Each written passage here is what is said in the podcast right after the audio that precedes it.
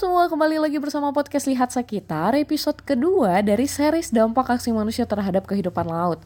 Aku sama Gary ditemenin sama Kak Dini sebelumnya udah ngomongin nih tentang aksi manusia yang berdampak secara langsung terhadap kehidupan laut. Nah di episode ini kita bakalan ngomongin temennya nih, yaitu aksi manusia yang berdampak secara tidak langsung terhadap kehidupan laut. Oke, okay, cus aja nih ya, kita tanya-tanya Kak Dini. Aku mau nanya nih Kak, apa aja sih aksi manusia di darat ini yang sebenarnya bahkan kita nggak sadar itu tuh berpengaruh buruk terhadap laut. Ya meskipun kita tidak kontak langsung gitu dengan ekosistem laut itu. Nah, sekarang dampaknya langsung artinya sebenarnya lebih banyak uh, aksi-aksi yang harusnya dilakukan uh, untuk dampak yang tidak langsung karena kan uh, secara jumlah orang-orang yang tinggal di jauh dari laut itu lebih banyak kan daripada masyarakat pesisir gitu. Jadi otomatis apa yang uh, orang-orang di darat ini apa ya yang bisa dilakukan sebenarnya kita ngaruh nggak sih ngelakuin sesuatu itu untuk laut? Jawabannya adalah ngaruh banget gitu. Jadi uh, kalau masuk apa sih yang harus dilakuin gitu kan untuk uh, kita bisa menjaga laut itu karena ini ngomongin dampak tidak langsung jadi semua perilaku kita gitu kan. Pada saat kita switch ke perilaku yang lebih ramah lingkungan gitu kan itu otomatis ngaruh. Contohnya misalnya uh, tadi kalau sampah udah uh, udah ya. Maksudnya kalau uh, masalah sampah kita ngelola. Nih sekarang jujur kalian berdua di rumah pilih sampah enggak Uh, jujur enggak sih kak, enggak bilang nah, sama. jujur enggak juga kak. Enggak, nah ya kan. Coba terbukti dari kita bertiga kalau saya uh, pilah sampah sudah dari udah lumayan lama gitu. Cuman hmm. kadang-kadang juga masih itu aja masih loss ya nah, karena uh, apa sulit gitu kalau di Indonesia kan memang belum didukung sama fasilitas yang uh, memaksa gitu kan harus apa kayak kalau di luar negeri kan misalnya sampahnya sendiri harus terpilah dan ada jadwal pengambilannya dan segala macamnya. Kalau kita kan uh, belum ada, mungkin nanti Sun menuju ke sana ya harusnya. Nah dari situ aja perjalanan sampah itu aja panjang gitu. Ketika kita tidak mengelola 80 persennya end up di laut. Nah terus uh, misalnya nih ngomongin tidak terkelola. Se di Indonesia itu uh, kita tuh penghasil sampah uh, plastik terbesar di dunia ya, kedua setelah Cina. Nah, 64 juta ton per tahun. Dari 64 juta ton itu, 60 eh, persennya adalah sampah organik, sisanya anorganik. Gitu. Jadi sebenarnya penting juga tuh ngelola sampah uh, kompos gitu. Nah, ini kedua hal ini ketika tidak terkelola tercampur kan di tong sampah kalian, ya udah terus langsung udah pasti tuh udah nggak bisa didaur ulang, nggak bisa diapa-apain, udah pasti akan jadi residu. Singkatnya akan numpuk di TPA. Di TPA itu kalau udah masuk ke sana karena di Indonesia TPA-nya masih uh, sifatnya itu open dumping. Artinya apa pun yang segala yang kalian hasilkan itu langsung masuk ke sana. Setiap orang itu biasanya satu hari itu menghasilkan uh, eh, 0,5 sampai 1 kilogram sampah gitu kan. Nah, bayangin tumpukan di TPA setiap hari itu seperti apa. Dengan tingkat daur ulang yang masih sangat rendah yaitu sekitar 8 sampai nggak sampai 10 persen dari total 64 juta ton dengan dipilah yang 40 persennya itu sekian lah dari 64 juta ton itu recycling rate-nya hanya nggak sampai 10 persen dan itu kecil kecil kecil sekali. Nah, apa efeknya? Sampah yang numpuk di TPA itu menghasilkan reaksi kimia gitu. Ada ada yang cair gitu kan reaksi kimianya ntar lari ke daratan gitu kan. Nah, ada juga yang ke uh, ke langit-langit kan langit-langit rumah ke udara gitu kan. Udara. Ya metana atau karbon dioksida. Gas, nah, gas ini ya, apa? Ya. Gas efek rumah kaca gitu. Nah, ini kan membuat bumi jadi semakin panas gitu kan. Otomatis karena itu ke udara lautnya jadi makin panas gitu kan. Panas hmm. juga gitu. Panas jadi juga, ya. uh, ikut kontribusi kan ke atmosfer kan. Apa kan laut ada di atas atmosfer juga. Nah itu juga uh, bikin makin panas gitu. Selama uh, dalam kurun waktu mungkin 100 tahun terakhir kita ini udah hampir uh, total itu naik uh, mungkin hampir dua derajat ya. Itu terlihat kecil tapi gara-gara dua derajat itu kita sampai bikin ada Paris Agreement tuh yang kemarin. Nah itu tuh uh, semua tuh heboh karena apa? Dengan naik dengan kondisi bumi yang jauh lebih panas ini, lautnya juga jadi panas, permukaan air laut pun naik kan, gitu. Nah, ketika permukaan air laut naik, itu berapa apa? Berapa senti, berapa meter setiap tahun itu kan sekarang udah ada naik kan, otomatis garis apa pinggir pantai itu jadi makin uh, makin luas gitu ya, makin, makin luas. Nah, kalau ngomongin suhu yang naik nih dari itu ini kan baru ngomongin sampah tuh kita kontribusi juga. Itu otomatis kan apa yang ada di dalam laut kan juga berubah kan. Mereka mm-hmm. uh, yang tadinya uh, terumbu karang itu dijaga misalnya dengan uh, suhu-suhu tertentu ketika itu naik. Nah tanpa ada sentuhan manusia itu juga bisa jadi coral bleaching bisa rusak juga terus apa bisa ngubah perilaku yang di dalamnya juga. Mungkin produksi plankton jadi uh, jauh lebih berlebihan gitu kan otomatis nanti tidak ada yang uh, makan gitu jadi merusak rantai makanan gitu. Itu dampak tidak langsungnya dari aktivitas manusia. Nah aktivitas manusia itu kan banyak banget selain sampah. Itu kita juga kenal namanya carbon footprint. Nah, carbon footprint itu kan kita lakukan setiap hari gitu kan. Kita pakai pakai semua semua orang sekarang udah pakai smartphone ngecas handphone terus uh, punya kendaraan pergi ke mana-mana naik kendaraan gitu kan makan dan lain-lain. Itu semua yang kita lakukan. Itu punya kontribusi buat uh, kita punya namanya footprint pribadi kita gitu. Kontribusi ke lingkungannya gitu. Nyambungnya ke mana sih? Handphone. Kita ngecasnya pakai apa? Pakai listrik listriknya pakai apa? Pakai batu bara gitu. Semakin banyak yang kita charge itu akan semakin uh, panas gitu kan penggunaan listriknya gitu. Makanya uh, waktu itu banyak yang bilang uh, makanya kalau udah penuh langsung dicabut gitu. Itu bukan alasan keselamatan doang tapi juga uh, dengan penghematan itu kita juga ngurangin jejak karbon kita sendiri. Kalau AC nggak dipakai matiin gitu. Itu iya, perilaku yang ngaruh banget nantinya ke laut gitu karena itu mengurangi jejak karbon kita. Misalkan lampu nggak dipakai matiin air air nggak misalnya kita dengar kucuk kucuk kucuk air perlu di bak gitu misalnya kan tumpah matiin gitu ya? tumpah gitu nah ini ngomongin air juga amat sangat menarik gitu kan karena dengar nggak isunya Jakarta mau tenggelam Iya, iya. Nah, dari tahun-tahun berapa gitu ya kayak iya, udah kan? isu ini, gitu ya. Oh, oh, ini dan ini udah semakin serius gitu bahkan akan di akan dibentuk uh, regulasinya sendiri untuk nanganin ini gitu. Karena apa? Karena selain air, permukaan air laut yang udah uh, tinggi gitu, sebenarnya penyebab utamanya itu karena penggunaan uh, airnya kita terlalu eks, ekstrak air dari sumur itu terlalu banyak kalau di Indonesia. Jadi kan kita pikir air di Indonesia ini kan melimpah banget kan gitu. Jadi ah ya udahlah diambil aja di sumur gitu. Jadi kan kalau air tanah ya, ya. Uh, air tanah gitu kan kayak saya sendiri di komplek masih pakai air tanah gitu. Padahal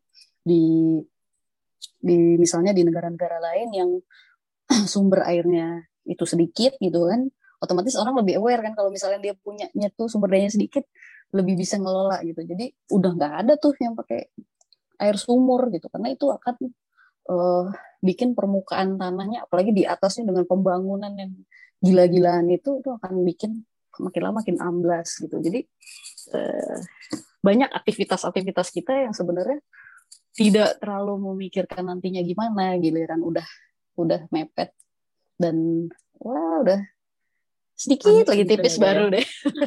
Panik dulu. Panik. Iya panik dulu baru bertindak gitu ya. Uh, jangan terjebak dengan kultur yang seperti itu sih. Kita coba uh, apa kalau ngomongin konservasi ngomongin rehabilitasi ngomongin lingkungan. Kalau dari saya sih oke okay, kita diskusi diskusi gitu kan dengerin podcast silakan gitu. Tapi yang paling paling penting adalah action gitu. Action dari semua pihak apa pun itu. Jadi kalau saya pernah uh, ngutip dari apa dari yang pernah saya baca gitu kan kita tuh lebih butuh orang-orang uh, yang ngelakuin perilaku ramah lingkungan dengan cara tidak sempurna tapi banyak yang ngelakuin daripada orang berusaha perfect gitu kan ngelakuin ini tapi cuma segelintir doang gitu. Ya, seperti komunitas gitu ya kayak. Uh, uh, gitu. Jadi nggak uh, nyampe nggak nggak bisa kalau kita tuh bicara uh, rehabilitasi konservasi tapi yang besar besar aja gitu yang ya kita harus jaga nih mangrove jaga, jaga ini gitu. Tapi diri kita sendiri tuh nggak ngelakuin gitu. Jadi percuma kalau menurut saya sih. Jadi kayak hmm.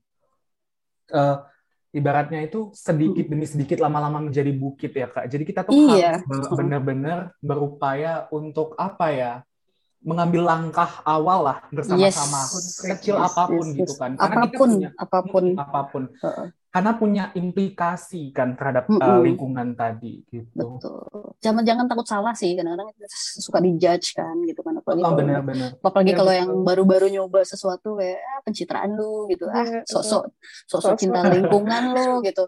Paling cuma bertahan seminggu iya, seminggu gitu ya kayak. Terus kadang iya. cuma untuk konten oh. sosial media kan kadang-kadang. Iya gitu, kan kadang-kadang ah, keren nih gitu. Nah hal-hal yang uh, kayak gitu sebenarnya yang Iya gimana ya orang kalau mau nyinyir mah kita mau ngapain sampai tua juga akan ada yang nyinyir gitu. Jadi Iya benar. Uh, yang paling penting adalah kita nyoba bikin salah lah sebanyak-banyaknya.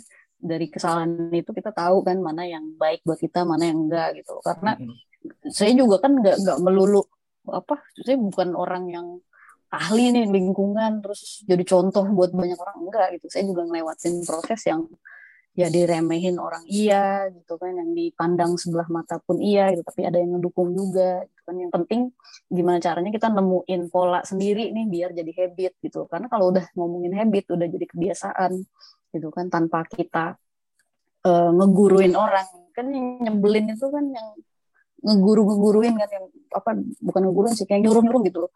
Lah saya sendiri aja nggak suka disuruh-suruh dari kecil. Dibangunin sekolah aja males sih minta ampun aduh emang kita tuh nggak ada yang suka kok disuruh-suruh orang gitu apalagi untuk hal yang kita nggak rasain hasilnya sekarang gitu kan hmm. ngapain nyuruh nyuruh gue malu ini ngegaji gue gitu kan hmm. jadi artinya makanya dari diri sendiri ketika kita jadi habit itu nanti kita akan ngelakuin hal tersebut uh, tanpa ada paksaan dan tanpa postingan dan segala macamnya pun nggak masalah gitu karena udah jadi habit. Nah, gimana caranya kita mau bikin habit kalau kita tuh nggak mulai? Kita nggak mulai, kita nggak nyoba, kita nggak coba salah, kita nggak jatuh bangun, kita nggak nyinyir-nyinyirin, itu namanya nonsense gitu. Jadi kalian gimana sih? Kita semua tuh akan ngelewatin fase itu gitu. Jadinya memang itulah kehidupan susah juga ya. Cuma dinikmatin aja, dinikmatin aja gitu, nggak apa nggak semua orang itu bisa dipaksa gitu kita juga enggak. Jadi ya udah lakuin tapi ada yang dilakukan gitu.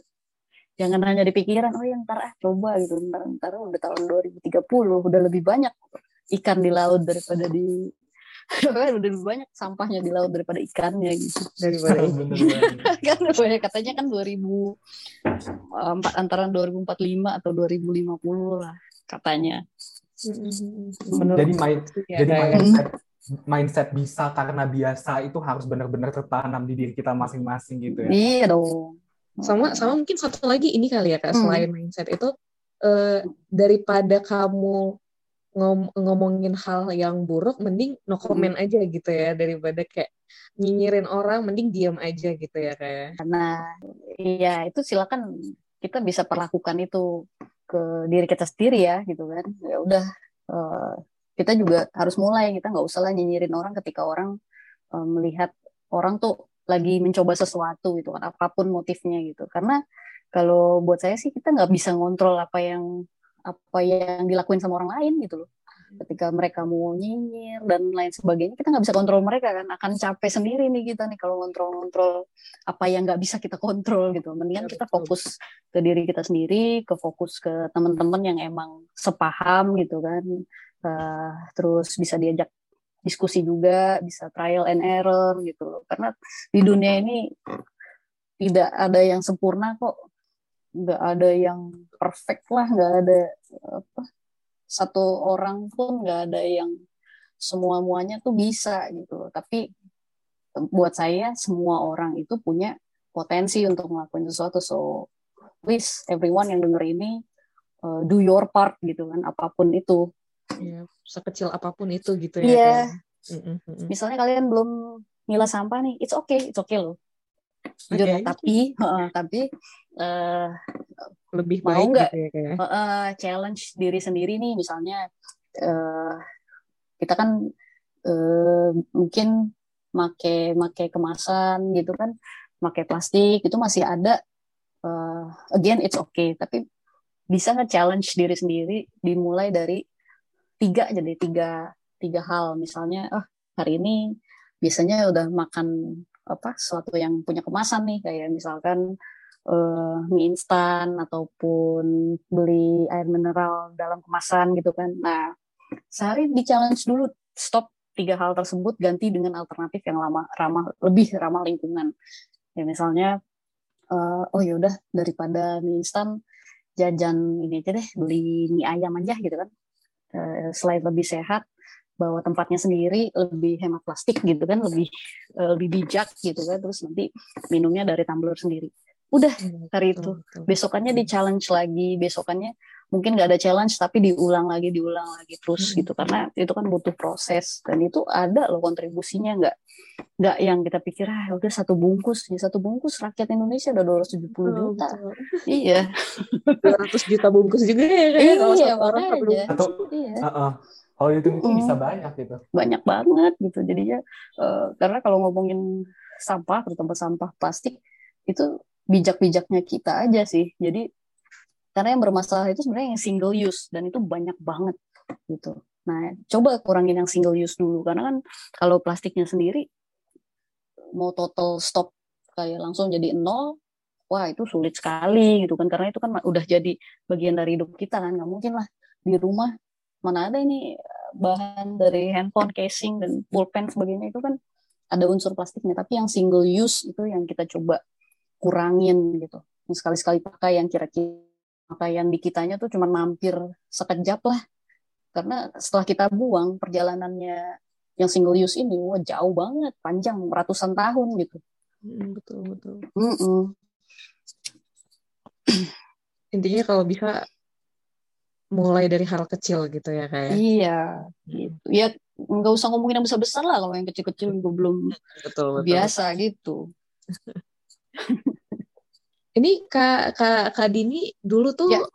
kapan sih awal awal mulai kayak beraksi bertindak gitu kak untuk mm -hmm. membuat lingkungan ini oh. ya, nggak nggak makin buruk gitu mm -hmm. kalau tema lingkungan sih tema lagi kalau ya kalau kalau isu lingkungan tuh uh, saya sih udah udah concern lumayan tuh udah lama banget mungkin dari awal mula traveling itu di tahun 2005 nah perjalanannya itu tapi hanya apa ya lihat-lihat aksi-aksi orang gitu kan. Karena saya masih bingung harus kontribut apa gitu kan. Sedangkan uh, buta banget gitu. Karena saya kuliah juga kan saya di ekonomi gitu. Jadi uh, oh, uh, di apa ekonomi dan bisnis juga. Jadi nggak nyambung gitu kan. Terus hmm, terus traveling pula jadi kayak nggak nyambung. Dan kebetulan waktu itu lagi cari-cari sesuatu yang baru saya ikut kegiatan di uh, dalam lingkupnya pendidikan jadi ke pe, pendidikan di pedalaman. Nah dari situ sih isu lingkungan tuh makin lekat ya sampai akhirnya singkat cerita di tahun 2012 kalau nggak salah itu ketemu sama Nadine. Oh di tempat usaha saya. ya. uh, di Kemang gitu. Jadi dari situ tuh ngobrol terus. Dia karena memang uh, pas ketemu terus ngobrolin soal lingkungan uh ini orang emang ternyata bener-bener ini ya concern gitu. Dan uh, banyak yang dia ngerti terutama tentang laut. Nah saya yang buta ini gitu kan wah uh, menarik nih. Akhirnya saya, saya cari tahu lagi. Terus oh, punya pengalaman di NGO sebelumnya. Din kenapa nggak kita bikin sendiri aja gitu kan? Hmm. jadi daripada kita berdua terus yang diskusi pusing berdua doang kita kan kayaknya bukan orang yang uh, punya background di lingkungan tapi kayaknya kita bisa ambil insight dari banyak orang juga gitu kan. Nah uh, ya udah singkatnya kita bikin deh berdua sampai uh, ya sekitar tujuh tahun lalu ya sampai jadi uh, si soldier yang sekarang. Cuman kita pikir sih si soldier juga sebenarnya ya kalau dari kacamata saya maksudnya si soldier ini bukan oh, organisasi yang besar banget di Indonesia gitu kan walaupun memang sudah ada di 15 kota di seluruh Indonesia. Tapi uh, menurut saya gimana caranya ya orang-orang ini bisa punya wadah untuk nggak nggak hanya untuk yang expert-expert terus langsung oh iya, gue cinta lingkungan gue masuk si soldier gitu. Enggak tapi kayak yang meng, dari blank nggak tahu apa-apa terus pengen sharing pengen pengen tahu gitu kan. Justru di situ awalnya kita pengen uh, apa ya ningkatin awareness sama uh, anak-anak muda ini kalau ngomongin lingkungan tuh nggak usah nggak usah dibikin berat gitu loh yeah, dibikin betul. fun gitu kita juga makanya kan kegiatannya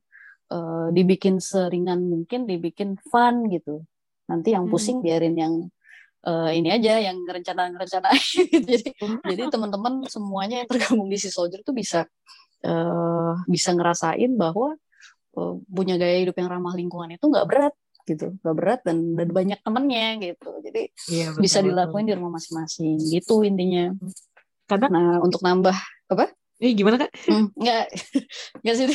ya karena untuk nambah itu semua akhirnya setelah 2018 Soldier jadi apa? Jadi foundation kita, kita pikir uh, sudah cukup serius dan saya juga oh, akhirnya nyemplung gitu kan makanya sekarang saya lagi ngambil studi lagi di uh, environmental science gitu hmm. jadi untuk apa ya untuk nambah background ilmu dan uh, link-link link-link juga sih gitu. yeah, yeah. Mm -mm. kadang emang kita kayak perlu temen gitu ya kayak biar iya. ngerasa aku tuh nggak butuh yang sevisi gitu ya kak iya kalau sendirian kan kadang kita bingung terus iya, belum lagi iya. emang kayak gitu prosesnya gitu tapi ketika ada yang ada temennya gitu kan ada sama-sama bego lah ibaratnya gitu kan sama-sama nggak ngerti apa-apa nah kita tuh jadi kayak punya sumber energi lah gitu iya, makanya sebenarnya itu yang diterapin di si soldier gitu gitu hmm. kita nggak sendirian kita kalaupun salah kita nggak sendirian gitu Nah, oke. Okay. Kalau kita ngomongin kondisi saat ini nih kak, uh, kita uh, terjadi pandemi kemarin 2020 mm -hmm. awal silam. Nah, mm -hmm. kondisi pandemi itu sebenarnya memberikan perubahan yang signifikan nggak sih terhadap kehidupan ekosistem laut? Nah, itu menarik tuh. Itu ibaratnya sasi seluruh hmm? Indonesia. Dunia. seluruh dunia bahkan ya, Kak. Iya. Dalam jangka waktu yang panjang lagi. Karena emang emang uh, seharusnya itu jadi bahan refleksi ya. Itu setahun hampir setahun ya karena sekarang kan kayaknya udah mulai-mulai banyak yang apa aktivitas lagi gitu kan. Hmm, selama setahun itu tiba-tiba nggak ada aktivitas manusia nggak usah jauh-jauh gitu kan di Jakarta itu tiba-tiba langitnya biru kaget tuh tiga bulan nggak ke mana-mana gitu kan. Fenomena langka ya kalau di Jakarta uh, yang biasanya kita bu butek gitu kan ini kok tiba-tiba langitnya biru cerah terus cerah. banyak oh, burung-burung gitu kan dia ilah gitu kok bisa begini? Terus yang di laut juga saya ngecek ke beberapa temen yang di daerah yang di daerah pesisir gitu kan. Wah mereka seneng banget mereka ngelihat apa uh, dolphins maksudnya yang jarang mereka lihat sebelumnya gitu dan banyak hewan-hewan laut tuh kayak balik hmm. lagi gitu dan itu sebenarnya kalau dijadikan refleksi kan sebenarnya terbukti kan eh, segala aktivitas kita sama ini berarti ini ada yang salah nih gitu kan kita hmm. kok kita kok kayak nggak hidup berdampingan dengan alam semesta kita ya hmm. gitu kita kok terlalu apalagi masyarakat yang urban nih gitu kan. Yang yang tinggal di kota-kota besar gitu kan. Kita kok kayak nggak terkoneksi ya dengan dengan alam semesta kita. Padahal yang ngasih kita kehidupan kan alam semesta kita nih gitu. Coba deh kalian terakhir kali nyeker jejakin kaki nih apa barefoot gitu ke tanah itu becek-becekan itu kapan gitu. Duh, kalau aku Pertanyaan simpel tapi sebenarnya berat ya. Kayak udah lama. iya kan. Padahal padahal kita tuh lahir dengan dengan nggak pakai apa-apa. Maksudnya ini secara filosofis sih. Maksudnya nggak pakai apa-apa. Terus kita tuh bergantung banget sama alam. Kok kita sombong banget ya. Kita tuh ke mana-mana kan udah langsung pakai sepatu udah naik mobil terus makan enak pulang tidur gitu terus tiap hari gitu. Terus koneksinya mana ke alam giving back kita tuh apa gitu. Jadi uh, selama pandemi ini uh, menurut saya banyak banyak juga orang-orang yang akhirnya sadar kan gitu. Oh iya ya ternyata kalau kitanya bener-bener gak ke mana-mana diem aja dikurung uh, apa kondisi laut sama kondisi lingkungan tuh jadi jadi lebih baik gitu. Terus gimana dong apa kita nggak boleh aktivitas? Ya boleh lah karena kan kita harus melanjutin kehidupan kan gitu kita harus cari penghidupan juga lewat aktivitas ekonomi. Tapi kita harus berpikirnya sekarang aktivitas ekonomi mana yang punya kontribusi ke lingkungan tuh lebih tinggi daripada yang kemarin itu nah kalau kita ngomongin perkara kontribusi nih kak pasti kita punya suatu atau beberapa mungkin ya target global yang ingin kita capai nih, terutama untuk menjaga mm -hmm. kehidupan laut ya. Nah, mm -hmm. apa saja sih sebenarnya target global itu? Oh, kalau ngomongin target global, itu aja dulu tuh fokus ke SDGs. Itu itu kan roadnya minta ampun, tapi semoga itu bisa jadi patokan buat uh, apa ya masyarakat global di seluruh dunia buat ngejalanin itu gitu. Karena uh, sebenarnya big picture-nya nih kalau kalian kan orang ekonomi dan bisnis ya itu tuh nggak lepas loh dari lingkungan. Karena apa? Karena setiap perencanaan lingkungan setiap target-target termasuk global itu nggak akan bisa terwujud. Karena kita tuh nggak pernah punya yang namanya privilege ke pendanaan gitu karena kalau ngomongin big picture kan gampang aja. Oh Jakarta mau tenggelam, ya udah bangun aja sea walls, gitu kan? Atau bangun aja gorong-gorong gitu. Tapi emangnya punya uang gitu kan? Langsung ada dananya kan nggak ada. Nah itu yang harus disadari gitu. Ketika uh, ada aksi-aksi lingkungan gitu kan, wah ya udah rehabilitasi dong mangrove kita biar nggak abrasi gitu. Ya udah ini dong kan. Banyak orang seringnya nunjuk-nunjuk kan. Ya udah benerin dong fasilitasnya pengelolaan sampah. Tapi tuh ketika di breakdown biayanya nangis. Gitu jadi eh, yang dapat dilakukan secara realistis adalah ya udah kita sesuaikan dengan kapasitas kita gitu kan. Baik baik di lingkup nasional gitu kan. Ya udah nih eh, anggarannya sekian kita harus maksimalkan dengan sebaik-baiknya dengan harapan nantinya semua sektor-sektor industri ataupun dari apa dari pemerintahan sendiri itu linknya semua ke lingkungan seperti yang diharapkan di SDG saya, rasa itu udah digarap sih di di Bapenas gitu kan. Nah itu harusnya nanti jadi uh, target kita secara nasional dan nantinya akan jadi target secara global juga gitu. Jadi pendanaan itu amat amat sangat krusial kalau di lingkungan kalau ngomong doang kan gampang. Iya, ya, benar. Iya, dari mana Ayo, gitu. Selalu benerin tuh terumbu karang di laut. Waduh, terus mau benerin dong, bikin apa dong. gitu ya. iya, coba. Itu kan harus ada terus dianggarkan ibaratnya gitu kan. Nah, sekarang hmm. kalau dari sisi operasional di lapangan di masyarakat, ini sudah kita udah kenal juga namanya circular ekonomi gitu kan gimana kita tetap ngejalanin aktivitas ekonomi tapi uh, tetap memikirkan daur hidup apa-apa yang kita pakai gitu. Jadi nggak langsung jadi sampah, tapi kita manfaatin sebaik mungkin apa yang ada buat uh, aktivitas ekonomi kita. Itu kan sesuatu yang apa ya, sesuatu yang baru dan uh, bisa kita pelajarin. Nah ini kan juga masih evolve terus gitu kan. Terus ada blue economy juga, ada green economy gitu. Jadi nggak bisa lepas dari dari cuan. Betul betul, betul. Iya. semuanya butuh cuan iya, gitu ya kayak. cuan, everything about eh, cuan. iya. Kalian kuliah pakai cuan nggak? Pakai. Pakai. Kan? Nah, nanti oh, kalau udah lulus mau ngapain? Nyari cuan kan? Nyari cuan. iya, iya makanya. Gitu. oke. Nah jadi mm -hmm. uh, peran komunitas nih kak seperti si soldier mm -hmm. ini kan apa ya menjadi pelopor lah ibaratnya kan di masyarakat mm. gitu kan untuk menumbuhkan kesadaran dan juga mm. untuk mengambil aksi nih. Nah, mm. bagaimana nih peran si soldier hingga saat ini bisa berkontribusi untuk ekosistem kehidupan di laut? Kalau tentunya kalau dari si soldier sih secara teknis lewat dari program-programnya ya kita program-program juga eh, dari hulu ke hilir nih kita kan nginget filosofinya dari 80% apa sampah yang ada di laut itu end up di ocean. Nah, dari situ kita bikin program juga nggak ya udah programnya tentang mangrove terus apa uh, terumbu karang, beach clean up itu pasti ada gitu kan. Tapi kita juga memikirkan program yang di hulunya gitu, nggak hanya di hilir seperti misalnya ada kita punya program bersihkan warungku. Nah, itu uh, tentang uh, pendampingan untuk pemilik-pemilik warung akan pemilahan sampah selama enam bulan. Untuk kita kenalkan juga mereka ke uh, bank sampah. Nah di situ uh, menarik ya maksudnya kita juga masih struggling banget karena kan Indonesia buat saya sih unik ya. Uh, orangnya tuh beda-beda gitu. Orang Jawa, terus orang Timur, orang Sumatera gitu kan. Nah di sini penerimaan uh, masyarakat terhadap uh, program ini juga macam-macam gitu kan. Ada yang ah ngapain sih repot gitu kan. Nah, ada juga yang uh, tertarik gitu. Makanya kita masukin ada uh, ini loh kita kenalin sama bank sampah ketika pemilik warung ini memilah sampahnya dengan benar.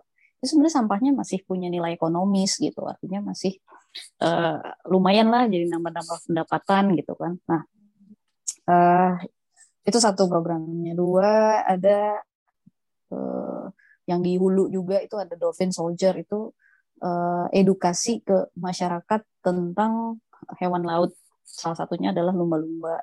Itu edukasinya di sekolah-sekolah atau di forum-forum atau di seminar. Nah, karena yang di hulu pun harus paham nih dengan kondisi atau biota-biota laut gitu kan. At least inilah yang yang umum dan yang penting gitu kan. Apa sih uh, fungsi misalnya peran-peran hiu gitu kan ke anak-anak kita jelasin itu gitu. Karena kita pikir anak-anak itu justru yang biasanya lebih lebih antusias gitu daripada daripada apa yang udah udah dewasa gitu. Kan dewasa udah mumet otaknya gitu kan. Udah mikirin cicilan mikirin uh, pasangan gitu kan. Mikirin banyak. gitu banyak. banget kayaknya banyak yang dipikirin. Uh, uh, kayaknya dramanya tuh lebih banyak gitu kan. Jadi kalau anak-anak lebih kayak sponge gitu kan. Kita harap makanya kita banyak aktivitas di sekolah juga. Nah untuk uh, terus ada konservasi pohon juga itu kan bagian dari hulu. Jadi sebenarnya yang di hulu itu uh, dari si soldiers lumayan banyak ya karena kan regional sendiri nggak semuanya tuh ada di ada di pesisir gitu kan. Ada juga daerah-daerah kayak di Bandung kayak di Jakarta. Jakarta mungkin lebih dekat tapi di kayak di misalnya harusnya Bandung deh itu kan jauh dari laut tapi apa yang bisa dilakukan gitu. Makanya programnya banyak uh, di hulu. Nah untuk di pesisirnya itu balik ke regional masing-masing. Jadi karena beda-beda satu isu itu tidak bisa disamakan dengan isu yang lain gitu kan. Karena satu isu yang sama masyarakatnya beda itu penanganannya juga bisa beda gitu kan. Jadi mm-hmm. kita harap di regional-regional itu bisa terus ngangkat isunya masing-masing uh, agar mereka tuh bisa jadi corong perubahan di daerah masing-masing gitu. Karena kan ngomongin si soldier ya nggak harus nggak harus saya atau Nadine terus yang bicara gitu. Kita sih mikirnya pengennya ya udah nih teman-teman yang di daerah tuh speak up dong daerah masing-masing gitu kan. Mm-hmm. uh, terutama yang bergabung di si soldier ketua-ketuanya itu uh, mereka tuh banyak uh, banyak tampil lah gitu kan. Makanya kita kemarin selama pandemi uh, karena aktivitas di lapangan kita batasi tapi di skill-skill yang lain gitu kan kita enhance lah di di digital gitu kita bikin pelatihan uh, public speaking kita pelatihan jurnalistik dan lain-lain gitu itu untuk uh, para si soldier yang tersebar di seluruh Indonesia. Oke, baik Kak. Uh, ini kita kayaknya udah nyampe nih di penghujung uh, diskusi hari ini. Nah sebelum itu kira-kira juga ya bosen nih dengerinnya sih? Panjang Orang juga ya. Koceh, apa ya. Iya. Ini terakhir nih kak, uh, kira-kira okay. ada nggak sih yang mau Kak Dini sampaikan ke kita dan aku dan Gary uh, dan pendengar mm. podcast ini gitu? Mm. Um, apa ya deh tadi ini hebat sih kalau kalian bisa dengerin sampai di menit yang ini di detik yang ini. Jadi uh, baru apa aksi lah mulai mulai uh, aksi untuk diri sendiri dulu aja gitu. Jadi hmm. jangan takut uh, untuk mencintai lingkungan karena uh, dengan mencintai lingkungan itu kalian gak akan bertepuk sebelah tangan gitu Jaila Iya, daripada jagain jodoh balik orang, gitu ya kayak. kita iya. dihargai ya. Dari, daripada jagain jodoh orang bertahun-tahun, nah kalau lingkungan nggak tenang aja gitu. Pasti ada pasti ada hasilnya nanti gitu. Iya betul betul betul. Oke okay, deh. Hmm. Um, kayaknya kita cukupkan dulu diskusi kita hari ini. Uh, Oke. Okay. Semoga semua kita yang mendengar dan juga Kak Dini, nah kita sama-sama ke depannya bisa semakin berkontribusi lagi, uh, berkontribusi baik terhadap lingkungan sekitar dan Amin. Amin. Semangat, amin. semangat terus ya. Iya. Ya, semangat. Dan semoga setidaknya hmm. ada gitu ya satu satu hal setidaknya hmm. satu hal uh, perubahan dalam tingkah laku kita yang mungkin bisa secara terus menerus hmm. gitu ya kita lakukan. Iya. Yeah. Uh -uh, betul. Oke deh teman-teman pendengar sampai di sini dulu kita cukupkan episode kali ini. Mohon hmm. maaf bila ada salah-salah kata dari aku dan Gary. Ya, dari aku juga. Hmm. Semoga bisa bermanfaat bagi kita semua. Sampai hmm. jumpa lagi di podcast Lihat Sekitar. Bye, terima kasih.